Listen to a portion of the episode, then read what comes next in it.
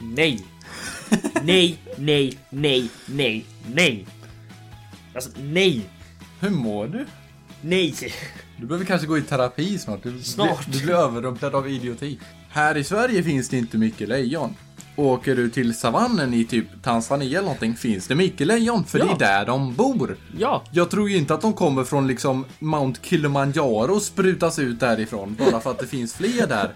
för jag är inte en idiot. Till slut, de kommer till den här ön och försöker bosätta sig där så länge så de kan försöka laga sitt skepp och hitta lite mat och sådär. Och i horisonten ser de ett skepp. okej. Eh, det här skeppet kommer emot dem. De blir jätteglada. På det här skeppet finns 12 jättar.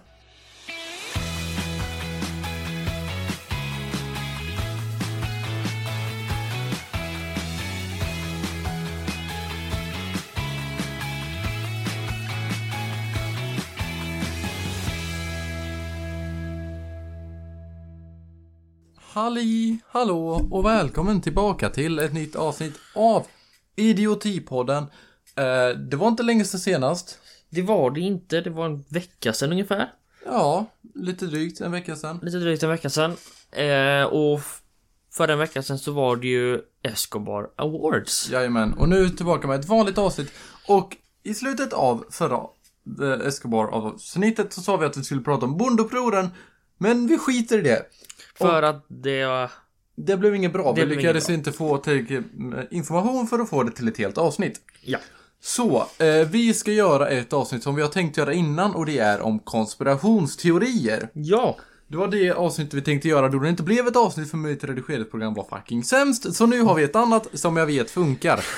Så det här ska gå. Det här ska gå Jag ska prata om Hollow Earth Theory och du ska prata om, om chemtrail. chemtrails. Och med det sagt säger vi rulla introt.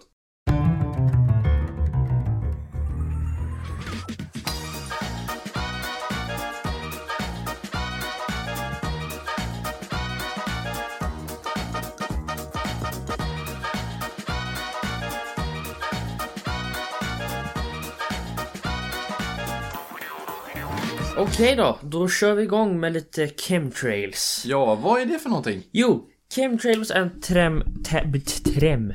Term. Det är en trend, Gustav. En trend. Det är en trend. Det är en trend att tro på. Är det trendigt att tro på chemtrails? Absolut.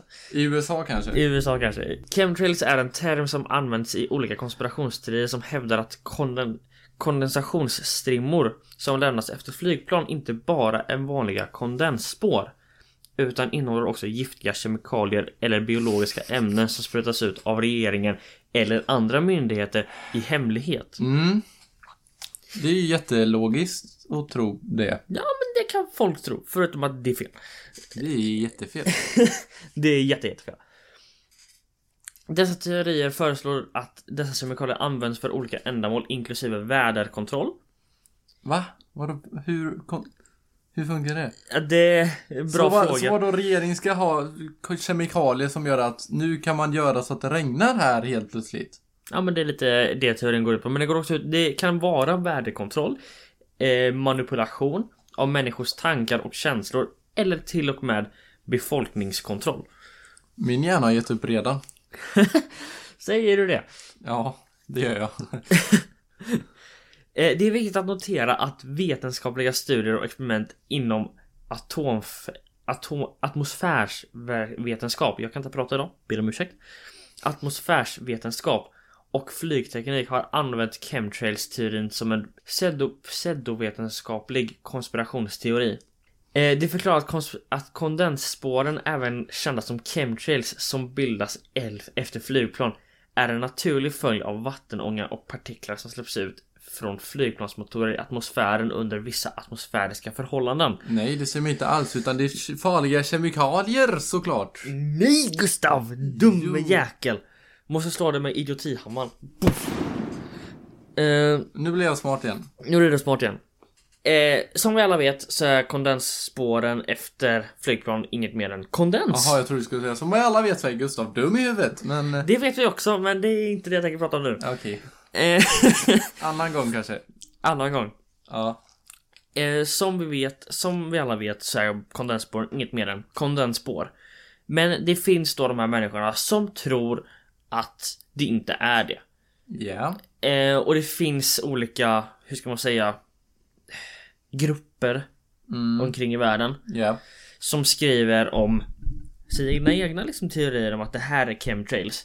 Ja. Och då finns det allting från folk som tror att det är värdekontroll och då är det att de, de tror att de sprutar ut ett visst medel då. Eller ett visst kemikalie. Som på något sätt manipulerar molekyler och sånt i luften. För att till exempel få det att regna. Eller något sånt. Ja. Eller få det att bli mer fuktigt, vad vet jag. Andra hävdar att det är manipulation av tankar och känslor. Så att de, de, de tänker att liksom Ja, jag orkar inte. att det släpps ut så Säg att regeringen hade velat att få dig att tänka på att eh, Kina är dumma i huvudet. Ja, men det tycker jag redan. Okej, vi, skämt, vi tar Då var det kanske chemtrailsen som gjorde det. Vi, vi tar något nytt då. Säg att regeringen släpper ut de här chemtrailens. Chemtrails Ja. då för att manipulera det att tro att Sverige är dumma i huvudet. ja. Det tror vissa folk att det är. Mm. Och andra tror att det är att regeringen ska kunna kontrollera sin befolkning. Att eh, de ska inte kunna göra vissa grejer eller till exempel den här människan ska inte kunna, jag vet inte fan, lyfta ett glas. Mm. Eller eh, gå, vad fan vet jag. Mm. Eh, så det finns väldigt, väldigt mycket sådana här skumma teorier. Men jag fortsätter. De skrev också att dessa spår kan vara synliga under, tid, eh, under olika tidsperioder beroende på atmosfäriska förhållanden som temperatur, luftfuktighet och vind. Ja. Men det här är inte kul, men du får ju förklara varför folk tror det här, hur det funkar. Jo men jag vet inte varför folk tror det här. Det är liksom, de är dumma i huvudet. Ja, det är liksom, ja. Och de har väl fått någon knäpp i hjärnan som där de tänker att Ja, men jag har fått den här tokiga idén. Mm. Sä, säg att du skulle få en tokig idé om att du hatar eh, hundar. Ja. Nu tog jag ett exempel. Säg, säg att du, du tänker att du hatar hundar. Ja. Men du vill inte hata hundar. Mm. Så du eh, kommer på den här konstiga tanken i ditt huvud att ah nej, det är regeringen som manipulerar oss med kemikalier de släpper ut från flygplanen. För att det är skumma linjer bakom flygplanen som jag inte vet vad det är. Men alltså konspirationsteorier generellt är ju bara så konstigt, egentligen. Alltså det finns ju extremt dumma konspirationsteorier Ja. som den här. Ja, det finns de som bland annat, Finland finns inte. Den utan det är- är bara en sjö. Den är lika dum, Den om är inte näst- dummare. Ja. Eh, men sen finns det ju vissa konspirationsteorier som är mer smarta, mer logiska om man ska säga så. Gör det det? Ja, det finns det. Nej Vi- men en. Eh, D.B. Cooper. ja, men är det För väl... det, det, det, visst, det är ett mysterium och det är ett fall som har hänt. Men det finns ju konspirationsteorier om vad som har hänt med honom som fortfarande låter logiska. Ja. Ja, ja, men alltså konspirationsteorier där det inte går att bevisa motsatsen är ju ändå någorlunda liksom smarta. Men de konspirationsteorier där det finns vetenskapligt bevis för att det absolut inte är så, man fortfarande tror på det, Flat Earth, Goddamn right. då, då är man ju helt dum i huvudet. Då är man ju helt dum i huvudet. Ja. Det finns ju ingenting att säga där. Nej, Man är dum i huvudet om man tror på det. ja. Jag känner att jag är väldigt negativ idag. Det är vi alltid väl? Är det inte det? Ja, det kanske vi är. Ja. De fortsätter även att skriva att även om det funnits vissa diskussioner och experiment kring idéer om vädermodifiering och geoengineering om man Okej. eh, där människan aktivt försöker påverka om eller manipulera väder och klimat för olika ändamål är idén om chemtrails inte vetenskapligt gru eh, grundad och anses vara en myt eller konspirationsteori. Mm. Anledningen som jag sagt förut, men jag säger det igen för att det kanske finns folk som tror på det ändå Ja. att den inte är vetenskapligt grundad är ju för att det är bevisat. Det är vattenånga, det är fotogengas från motorerna och det är atmosfäriskt tryck. Det, det är det som påverkar det. Ja. Det är det som gör att vi får de här linjerna i luften. Och jag ska vara helt ärlig. Om någon kommer upp till mig och säger att Vet du vad? Du blir påverkad av re- regeringen Mm. på grund av linjer i luften från flygplan. Då säger jag Du är dum i huvudet. Mm. Och sen så slår jag dem med en idiotihammaren. Boom. Och då blir de smarta. Och då blir han smart. Förhoppningsvis. Förhoppningsvis. Det borde vara en ny grej. Vi borde köpa in en idiotihammare. Vi borde skapa en. Vi borde skapa en idiotihammare. Ja. Det hade varit bra. Det hade varit bra. Så med andra ord, det vi lär oss av det här, tro inte på det. För att det hela är en stor hög med skit. Ja. Tro inte på konspirationsteorier. Och jag tror att din är dummare än min. Du tror det. Jag tror det. Men innan vi kör min, tycker jag att vi kör en liten intermission med Escobar Awards. Rulla in. Are you sure about that? Återigen, ni har röstat och vi har eh, plockat fram en vinnare som ni tycker verkar bäst. Eller vad man ska säga.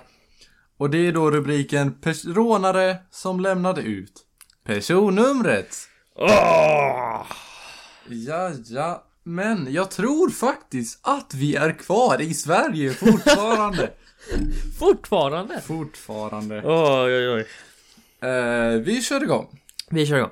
I augusti 2018 blev en konsument, en 55-årig man, en olycklig huvudrollsinnehavare i bedrägeriets dramapjäs. En skurkaktig bedragare ringde upp honom och låtsades vara från bankens säkerhetsavdelning. Vid de två samtalen den dagen lyckades bedragaren få mannen att avslöja koden till sitt bank-id och svarskoder från sin bankdosa. Men vad hände sen? Jo, enligt lagboken ska korthavarens betaltjänstgivare fixa till kontot tillbaka tills dess nästan blir lurad status. Men om bedraget sker för att korthavaren är en slarver med sina hemligheter får hen stå för högst 400 kronor. Har slarvet varit extra grovt kan notan maximeras till 12 000 kronor. Okej. Men om man är riktigt dum är det ens eget fel att man får betala hela kalaset och mannen ansågs vara just det, enligt hovrätten. Men vänta, det blir bättre. Enligt Högsta domstolen HD var mannen visserligen slarvig som en gräsanka på måndagsmorgonen, men det var inte bevisat att han med flit gav bort sina koder. HD tyckte inte heller att han var så smart att han förstod riskerna med att dela sina hemligheter. Så nej, mannen var inte tillräckligt speciellt dum för att få bära hela skulden. Så nu blir han inte ruinerad av bedragarna, utan istället får han lite tröstpengar av banken och räddar dagen. Plus, han får banken att stå för notan och rättegångskostnaden. Snacka om plot twist! Plot twist! Åh. Ja. Jajamän. Vad ska man säga? Vad ska man säga? Ja. Jag, jag vet inte. Jag vet inte. Det, det, ja. Och med det sagt så finns det fyra nya eh, som ni kan rösta på till nästa vecka. Jajamän. Jajamän. Nu tycker jag att vi kör igång med Hollow Earth Theory.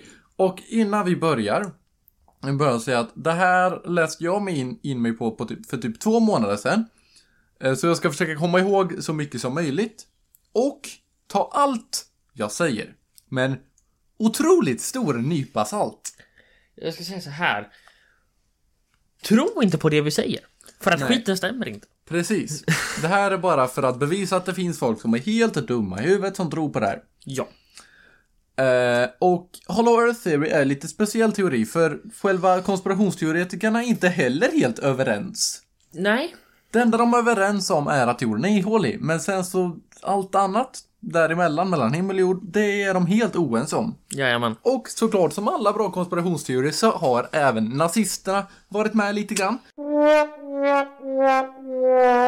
Det gör det ju ännu bättre. Ja. Helt fantastiskt. Eh, men vi börjar våran historia 1829 i Norge. 1829, det var ett jävla tag sedan. I Norge. I Norge. I Norge.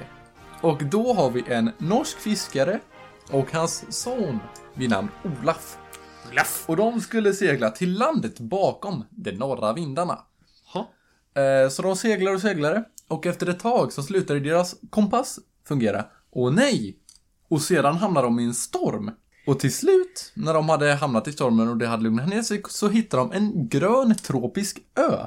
Så undrar ni, vad fasen gör en tropisk ö vid Nordpolen? Det, Det undrar bra, jag också. Det är en bra Det fråga. är en väldigt bra fråga. Ingen vet. Till slut, de kommer till den här ön och försöker bosätta sig där så länge så de kan försöka laga sitt skepp och hitta lite mat och sådär. Och i horisonten ser de ett skepp. Okej. Eh, det här skeppet kommer emot dem. De blir jätteglada. På det här skeppet finns 12 jättar.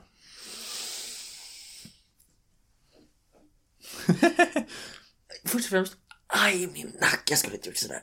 Vad gjorde, vad gjorde du? Jag lutar mig för långt bak för snabbt. Snyggt där. Och de här jättarna var fyra meter långa. Nej. Bara, bara Jo. nej. Eh, De blev kompisar med jättarna. Eh, nej. Och de fick åka med till jättarnas land. Nej. I två år. Och var ligger då jättarnas land? Jo, den ligger inuti jorden.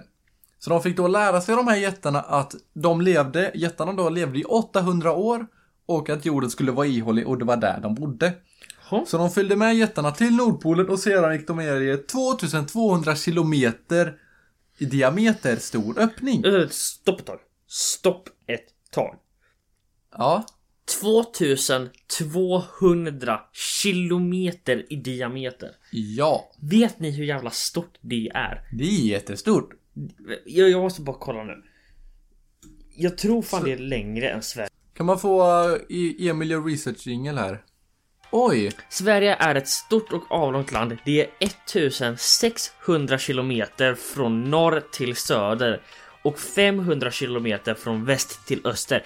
Det här hålet är 6 ty- 600 kilometer längre i diameter än vad Sverige är långt. ja.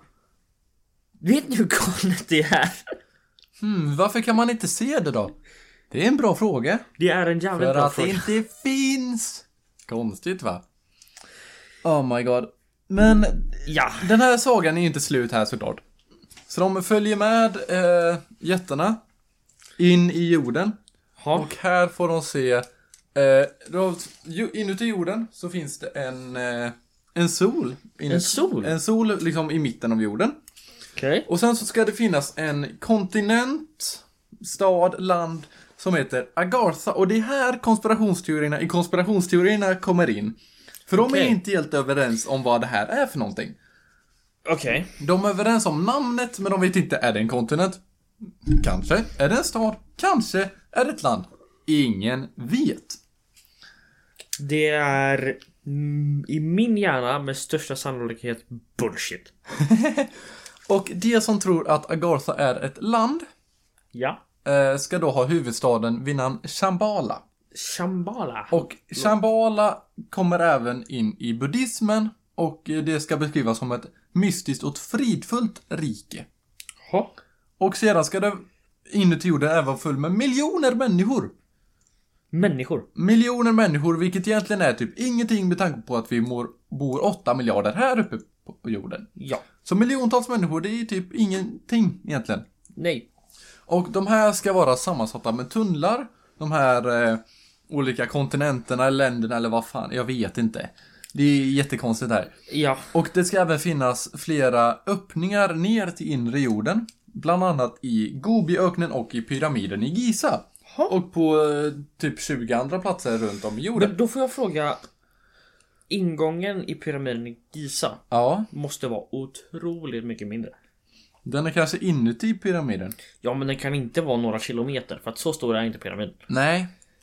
Ja men det är just huvudingången är väl där eller något. Jag vet inte. Ja, det, jag, jag har ingen aning. Men eh, de här miljontals människorna, vilka är då det? Vilken bra fråga!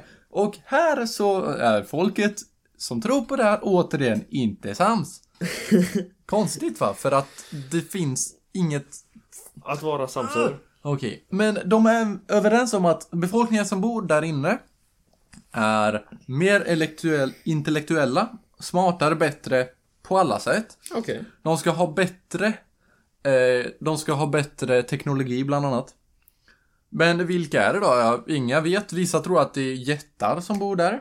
Vissa tror att det är typ slavar från något sätt som har lyckats rymma in till inre jorden under, jag vet inte. Ja, okej. Vissa tror att det är de överlevare från Atlantis som flydde in här när deras stad gick sönder. Och allt bara gick åt helvete. Och de som tror att det är Atlantis som bor här. Eh, utan Atlantis skulle tydligen ha förstörts av ett kärnvapenkrig. Och... Eh, Jaha. exakt. Eh, och när, under kalla kriget, så Jaha. fick eh, Atlantisborna inuti jorden reda på att oj, kärnvapen verkar vara a big threat nu. Så då eh, skickar de upp ufon inuti jorden.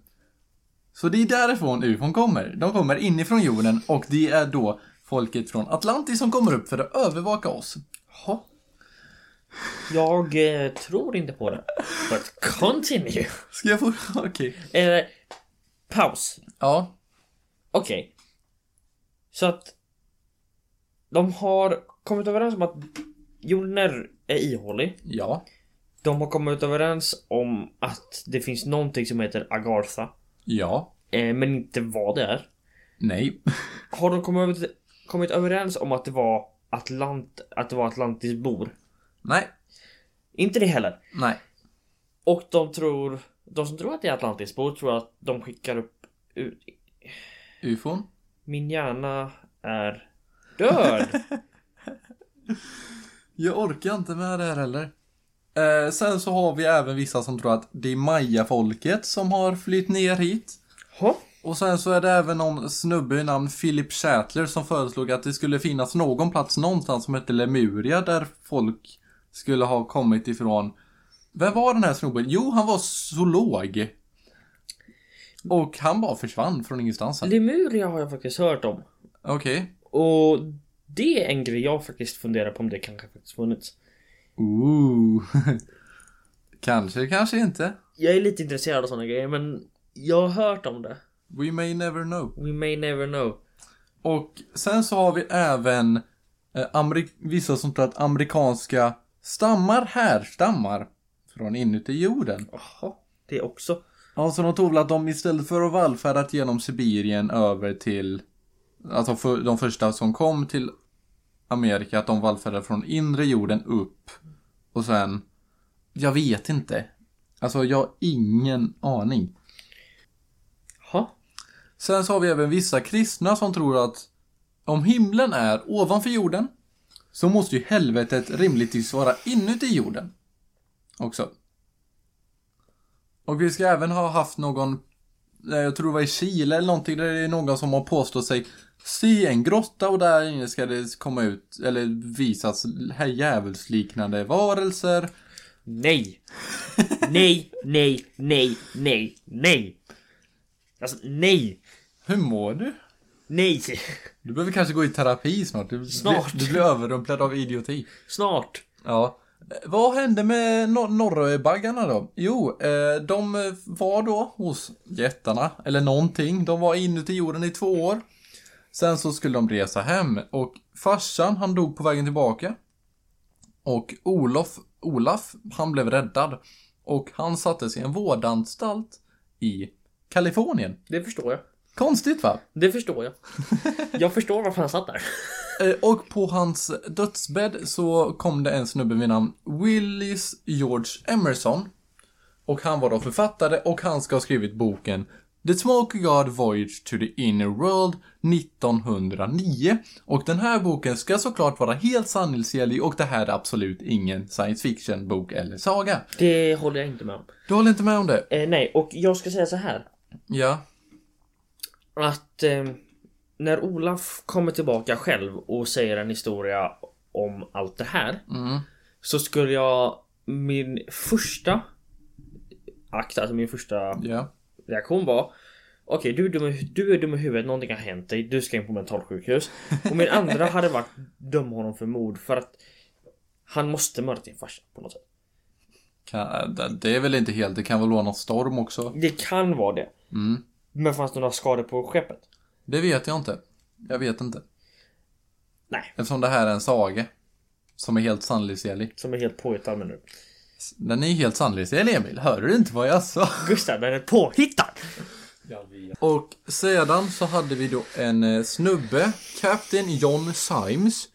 Och Okej. han skrev 10 april 1818. Okej. Citat. Till hela världen. Jag förklarar härmed att jorden är ihålig och invändigt beboelig. Innehållande ett antal solida koncentriska sfärer, den ena inuti den andra och är öppen vid polerna 12 eller 16 grader. Jag lovar vid mitt liv till stöd för denna sanning och är redo, för, och är redo att utforska håligheten om världen kommer att stödja och hjälpa mig i åtagandet. Slut citat. Och vem var den här snubben? Jo, han var bara en helt random person och en veteran från kriget 1812. Jaha. Så han var ingen vetenskapsman, han var ingen eh, astrolog, han var bara en, en vanlig krigsveteran. Som tyckte att jorden är ihålig och nu ska alla tro på mig. Men det gjorde de inte. Eh, vissa gjorde det. Jaha. Ja. Jag tycker, det, jag tycker det är så jäkla roligt att folk väljer att tro på att... Vi kan säga så här, det finns historiker genom tiden som har haft rätt, men folk tror inte på dem. Mm. Och sen finns det historiker genom tiden som har haft fel, men folk tror på dem. Ja. Så att vi säger så här, han tror att jorden är ihålig och folk tror på det. En annan person säger att jorden är rund. Ja. Folk tror inte på det. Ja. Hur går det ihop? Jag vet inte. Men han hade, han försökte göra en McGregor. En liten McGregor och liksom säga Ja, jag- om ni betalar mig så kommer vi, kommer jag ta med er på en resa till inre jorden. Och han trodde bland annat att sälar och valar kom från inuti jorden. Jaha. Och han tyckte att det var konstigt att ju närmare Nordpolen han kom desto mer pingviner fanns det. Va, Okej. Men det, det eller inte pingviner är det väl inte så på det, men isbjörnar då. Ja, isbjörnar, pingviner Ja. ligger på Ja, Sydpolen. precis. Men isbjörnar då. Men det är ju inte så att här i Sverige finns det inte mycket lejon. Åker du till savannen i typ Tanzania eller någonting finns det mycket lejon, för Ja. det är där de bor. Ja. Jag tror ju inte att de kommer från liksom Mount Kilimanjaro och sprutas ut därifrån bara för att det finns fler där. Är du för jag är inte en idiot. Är du säker på det? Jag är säker på det. Okej, okej. Så jag fattar inte hur man kan tro att valar och sälar kommer från inuti jorden bara för det finns fler där. Jag orkar inte med folk mer. Jag orkar inte med vår värld mer. Jag tror inte ens de här var amerikaner. Say what? Eller jo, Symes var nog fasen det, för han var krigsveteran från 1812, eller så var han engelsman. Något av det. Något av det. Något av det. Eh, och han eh, föreläste då om att jorden skulle vara ihålig. Och Ja. under sina föreläsningar så träffade han Jeremiah Reynolds. Oh. Och eh, de läste, eller de föreläste tillsammans en stund. Men sen så blev de lite ovänner om de hade lite olika teorier. Det slutade med att de separerade. Okej. Reynolds var dock en bättre retoriker. Ja. Så eh, han här, eh, Symes, han försökte säga att... Eh, Okej, jag försöker spela upp det här nu. Han, eh, Symes, båda vill ha investerare för att de ska kunna ta sig till Antarktis eller Arktis för att hitta portalen till inre jorden. Ja. Symes lät lite så här. Om ni ger mig pengar så kommer jag bevisa att det finns ett stort hål i Antarktis och Arktis där man kan ta sig in inuti jorden och så ska jag visa att det sprutar ut massa valar och sälar därifrån. Låter inte troligt. Låter inte så troligt. Och Jeremiah var lite mer... Om ni, jag skulle behöva lite pengar för att göra en eh, Expedition. expedition till Arktis, och, eller till Antarktis för att kunna utforska lite livet och försöka kunna ta med mig lite sälpäls för att visa liksom och kunna studera på. Vilket låter mest troligt? ja. Den sista. Den sista ja. Precis. Eh, så det var det såklart. Så då fick Re- Reynolds, Reynolds, eh, han Reynolds. fick till och med pengar för att åka iväg på en första expedition. Ja. Och den gick lite dåligt. Okej. Eh, och den var finansierad av privata investerare och eh, de, detta var på grund av bland annat att de hade dåliga båtar. Okej. Sedan försökte han med en andra expedition 1839 till 1842. Ja. Och den här var faktiskt finansierad av regeringen. Okej. Och det här var för vetenskaplig forskning på Antarktis. Eh, Men eh, Reynolds fick inte komma med på den här resan eftersom han hade eh, haft konflikter med högt uppsatta personer. Så han kom inte med fast den här expeditionen blev av ändå. Okej. Eh, Sen så har vi såklart folk som varit där telepatiskt också. Slå mig hårt i ansiktet så får jag känna att jag lever. Oh my god. Så de har inte varit där, men de har varit där i sinnet. Det är som att jag skulle säga, "Ja, jag har inte varit på Mars, men jag har varit där i sinnet. Jag tror Ja. att det är... Mars, Mars kan man bo på. Mm. Nej. Nej. Gå och sätt dig i skolan Eh, igen. nu, nu, jag skulle behöva franska nationalsången. Är ni, är ni redo för det här Vänta, namnet? franska? Är ni redo för det här namnet nu eller? Okej. Marquis Joseph André Jean-Yves du Olvindre. Någonting. Okej. ja, eh, lite, jag kommer bara kalla honom Josef. För det, det är lite lättare att kalla honom det. Det och han ville lära sig sanskrit av oklara anledningar. Och han trodde på att jorden skulle vara ihålig sådär. Så han anlitade då en handledare. Som gick under namnet Guru Panda av den större artigansiska skolan. Stop it. Get some help. Okej. Och den här handledaren kunde såklart allt om Agartha. Ja. Och han visste då att det skulle finnas en eh, port, portal till eh, inre jorden under Himalaya. Och... Och det här skulle vara då uppbyggt, eh, det skulle vara uppbyggt av bland annat orakel. Som skulle styra här nere, som skulle skydda regeringar med telepatiska meddelanden. Nej. Jag tror inte det. Och att det fanns böcker som skulle beskriva det här som en utopi. Samt att eh, Agartha då skulle styras av tre konsuler. Okej. Känns lite som romarriket. Ja, lite så. Romarriket styrdes ju av två konsuler. Mm. Eh, tills det blev Precis. kris. Då Fast- styrdes de av ja. en diktator. Fast de styrdes inte av orakel som var gömda för att skydda regeringar för att hemligheter skulle komma fram. Nej, gjorde de inte. Men... Eh, Och han skulle då bland annat ha skickat telepatiska meddelanden till de här konsulerna genom astralprojektion bland annat. nej. Alltså... Ge mig ett... Ett minsta bevis på att det här har hänt. Har du det? Eh, nej. Nej. Då kan jag bara säga nej, det finns inte. Mm. Jag, jag fattar, okej, jag fattar att folk vill ha uppmärksamhet och kunna säga att ja, jag tror på det här. Och ja, det man kanske vill ha uppmärksamhet, men om man då om det inte finns några bevis Ja. för att det faktiskt har hänt. Varför då tro på det? Och om det då ännu mer igen finns bevis på att det inte har hänt. Mm. Varför tro på det då? Men det är väl samma som religion. Det finns inga bevis för att det är så, men ändå tror folk att det är så. Så det, Och det här, är folk inga problem med. det här är basically religion. En religion. Det är inte det jag säger, utan det jag säger är att din logik eh, passar inte in hela tiden tydligen.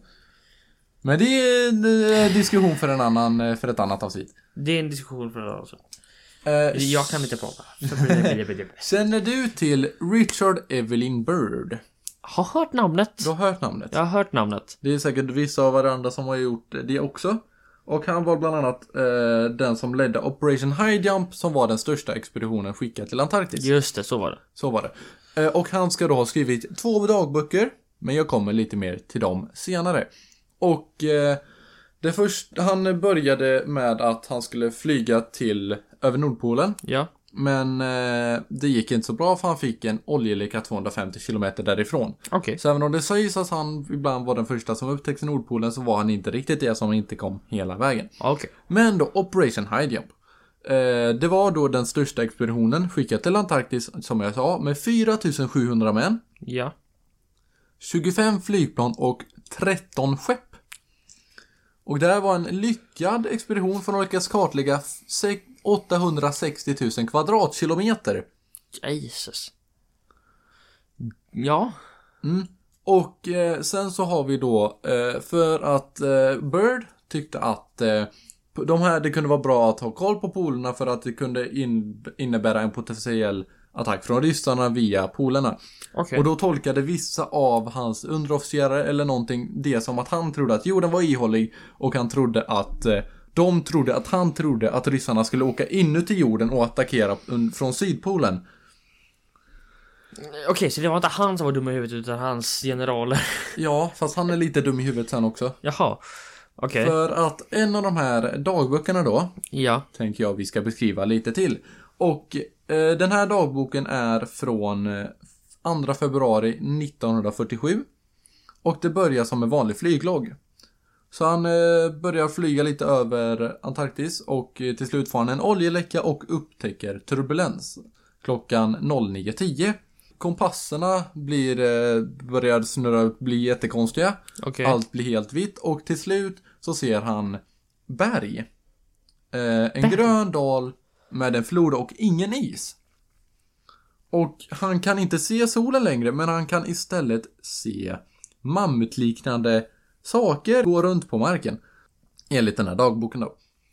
Och 25 minuter senare så ska en eh, radio ha kommit igång. Fast den ska, det ska inte finnas någon mer... Eh, alltså, man ska inte veta vad, vad som har sagts här för det, jag vet inte, det försvann eller någonting. Eh, och det skulle, temperaturen skulle upp med ett 24 grader Celsius 24 grader, va? i Antarktis. Va? I hor- och i horisonten så skulle Bird då se en eh, stad. Eh, han skulle då ha fortsatt flyga mot den här staden. Så han skulle då ha sett det här, eh, den här staden i horisonten. Och sedan så skulle han sett eh, eh, flygplan eh, som kom och eskorterade honom och omringade honom. Och på de här flygplanen kunde man se svastiliknande föremål. Okej. Alltså, eh, du vet. Ja, jag tror jag vet. Ja, Hitler, Ja. den. Exakt. Eh, och här ska den här eh, flygloggen ta slut. Han beskriver den här staden som hette då Arianai någonting. Okej. Som en jätte, jättefin stad. Och eh, när han hade landat så skulle någon vid namn Mästaren Okej. eh, komma fram till honom.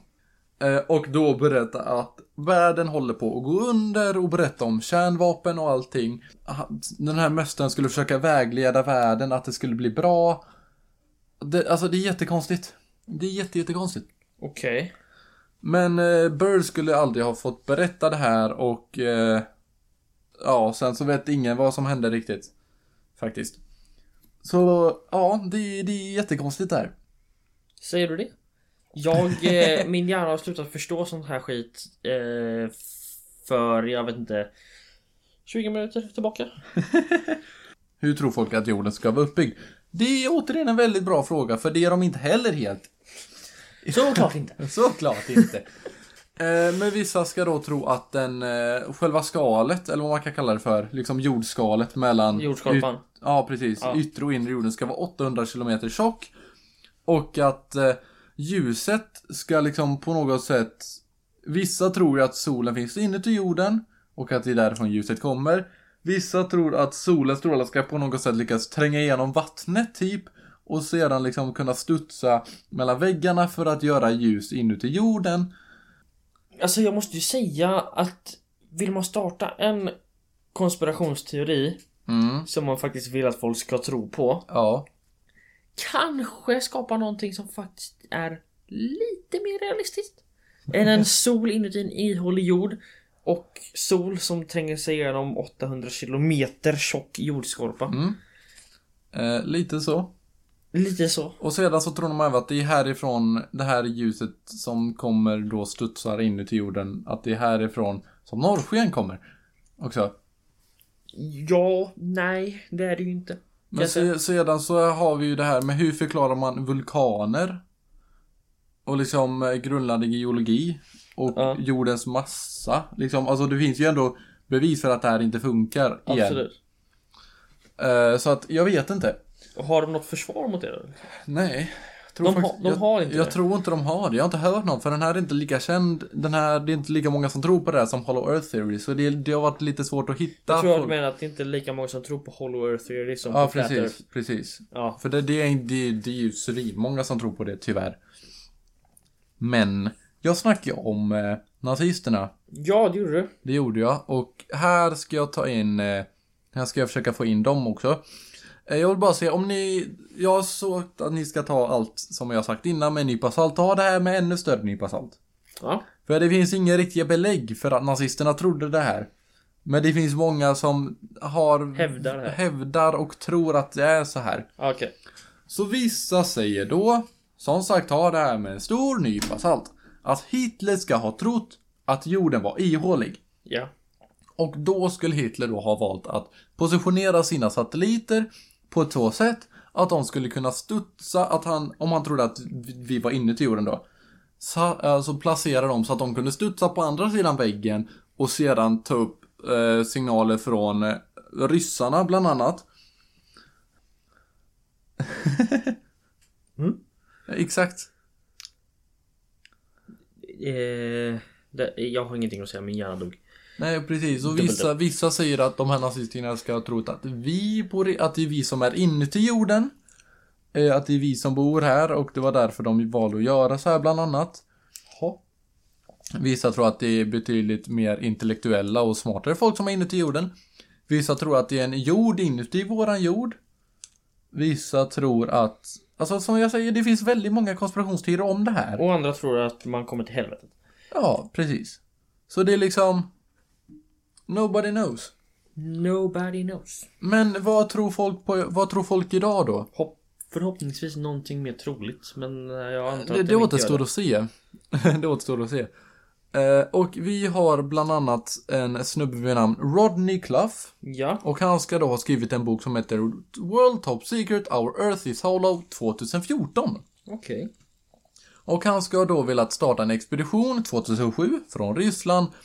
Eh, som då skulle kosta 20 000 dollar per person där de då skulle segla till eh, Nordpolen och försöka hitta öppningen då. Jaha. Fast det här blev inte av för han fick en hjärntumör och, Och dog. och dog. Ja. Eh, så att eh, det var ju liksom, Ja, så det, kan det gå. så kan det gå. Sen så har vi, det, det här är lite sjukt dock. Vi har en eh, Air Force-överste eh, som 2002 eh, sa att han eh, trodde att, och han skulle då ha jobbat inom Air Force typ 1980. Han kom då ut och sa att han har sett att, och trodde att det skulle finnas underjordiska tunnlar under Area 51. Säg inte att det är Bob Lazar. Kanske. Ja, okej.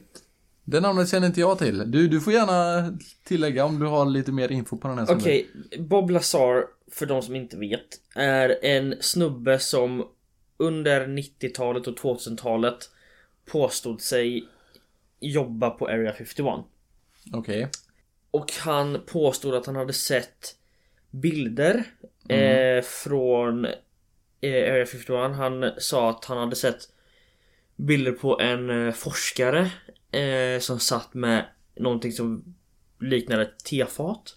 Ja. Eh, och eh, han skulle tydligen också ha bilder på eh, så kallade alien-liknande varelser. Ja.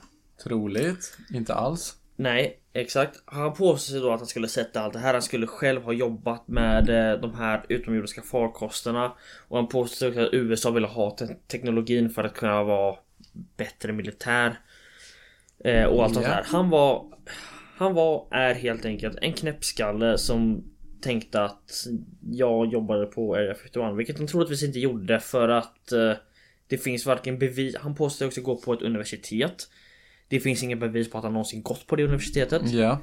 Eh, det finns inga som helst bevis på att han har jobbat på Area 51.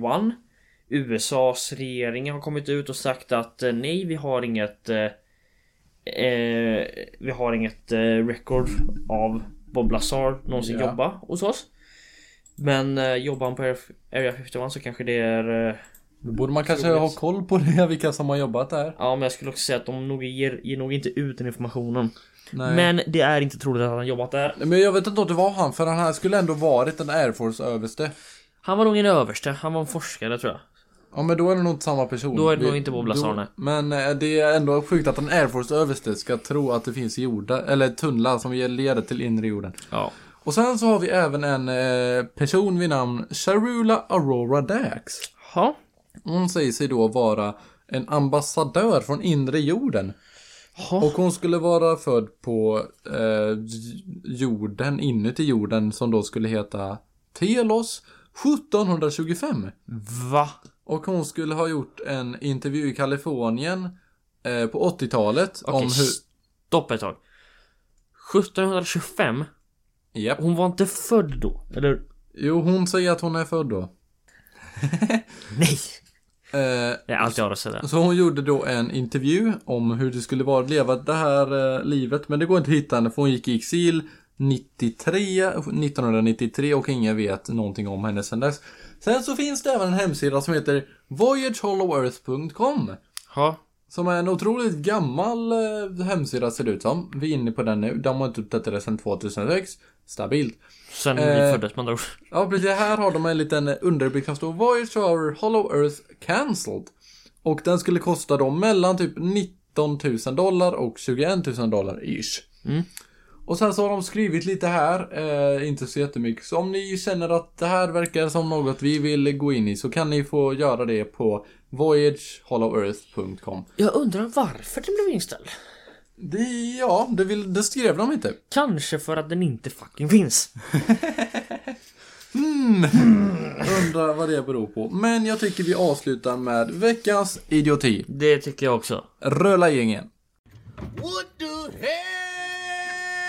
Oh my God!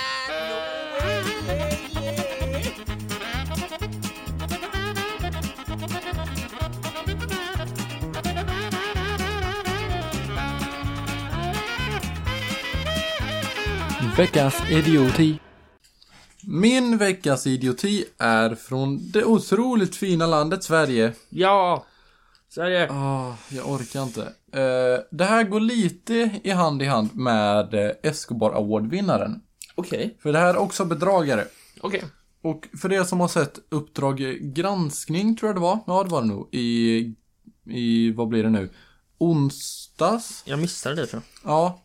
Och där ska då bedragare ha bjudit in SVT där de ska visa hur, exakt hur det är de gör när de bedrar folk. Och så ska de även ha ringt upp en eh, pensionär samtidigt som de blev intervjuade och SVT var där och visat exakt hur de gör när de bedrar pensionärerna. Jag menar, hur dum får man vara? Alltså på riktigt. Ja, jag vet. De hade ju bytt ut deras namn och röst och allt sånt där. Men alltså, hur, varför går man med på det? Ja, jag vet inte. För Uppdrag granskning är ju, de lämnar ju aldrig ut namn. Det är, aldrig någonsin har de lämnat ut namn. Nej. Nej, nej, men alltså det är ju... Och de har ju varit överallt. Jag har sett på avsnitt där, ett avsnitt jag fastnade för, då var de i Colombia och Mexiko och såg hur drogtillverkningen gick till. Mm. Och det var ju inga namn Nej. på någon. Rösterna var förvrängda. Ansiktena var blurrade. Och de ger ju aldrig ut det och, och polisen kan ju inte göra någonting. Nej. Nej, nej, men alltså det, jag fattar, det, jag fattar inte alltså varför visar de exakt hur de gör när de bedrar folk. Det är som att, ja nu har vi någon, en eh, stor jävla lastbil här som kommer in från Danmark via Öresundstullen. Hej! Ja, vi har knark på den här. Nu ska vi visa exakt hur man gör när vi smugglar in knarket. Det, det, är samma du, sak. Du avslöjar det för folket och för polisen. Ja. Hur man gör. Ja. Så även om de inte Åh. säger vilka de är så är det är ändå otroligt idiotiskt. Det är det ju. Det är ju alltså inte det är bra att bedra folk, absolut inte. Men om man ska göra det, varför för- avslöjar man då hur man gör? Jag, jag vet inte. Jag vet, det, det är fullkomligt idiotiskt. Ja, jag Och- vet. Gi. Gi. Gi. Geek. Nej jag skämtar. Eh, vi kör din nu tycker jag. Vi kan köra min och min är USA. Och Sverige. Och Sverige faktiskt. Ja. USA och Sverige. Det kan det bli bättre. Det kan inte bli bättre Gustav. Exakt. Och det handlar om att det är en svensk godisbutik i New York. Okej. Det är en svensk godisbutik i New York. Ja. Och den här butiken är då Den har blivit väldigt, väldigt, väldigt mycket populärare på senaste. Okej. Eh, för att eh, en av anledningarna är för att amerikanerna tror att godiset är nyttigare än i USA. för att det innehåller mindre kemikalier.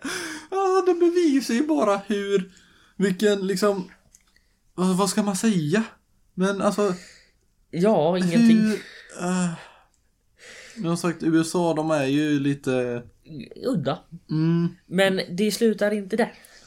Eh, jag tror också en annan anledning var att det var billigare. ja, För eh, er som inte vet. Ett kilo godis i USA kostar hela 36 dollar. det är helt galet. 36! Jag kan köpa ett kilo på ICA för 60 spänn. Det är 6 dollar. Ja, De betalar nästan 400 spänn för ett kilo godis i USA. Och de äter ändå mycket godis. Det är helt jävla absurt.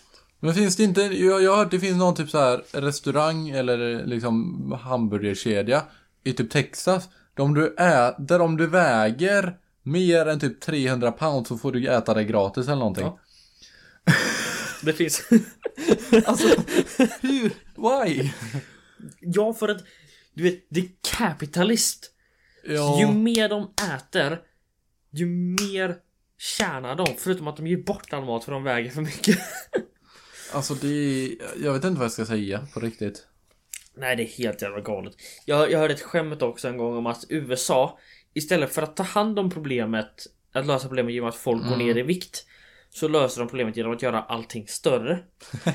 för att amerikaner är så stora jämfört med Ja, andra. ja. Så att istället för att ha normalstora eh, storlekar på muggarna på McDonalds så har de mycket större byggnaderna, större vägarna, större och där känner man sig mindre.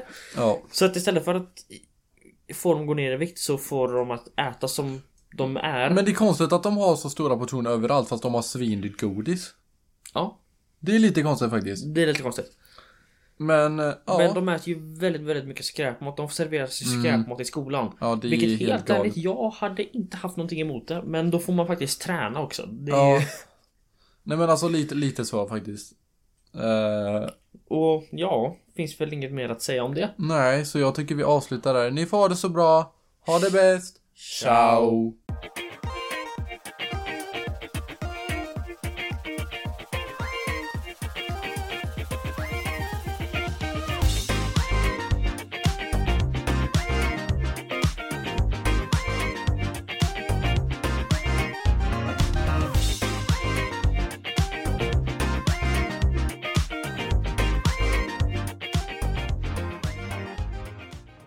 Och han skulle då bli eskorterad och omringad av okända företag.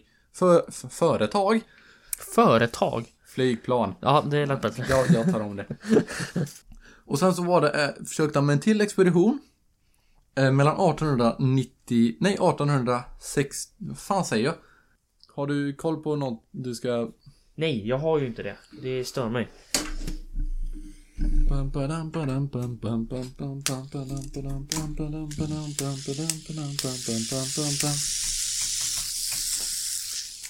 Hi.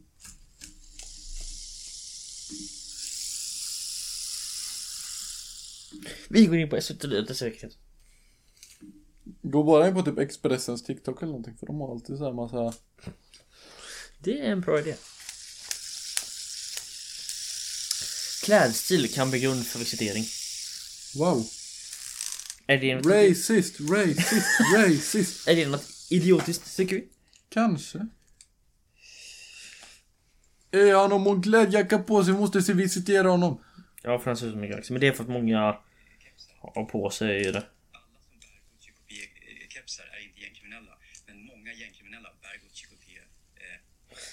alla som Det här är idiotiskt. Har du Ja, sett det? ja. Kör på det då. Har du hört hur mycket det här kostar? Ja. Vi ska köpa det. Det blir jättebra. Det blir asbra. Blandar vi i Sverige och USA? Ja. Det kör vi på. ja. Ska, ska du eller jag börja? Du kan börja. Eh, ja.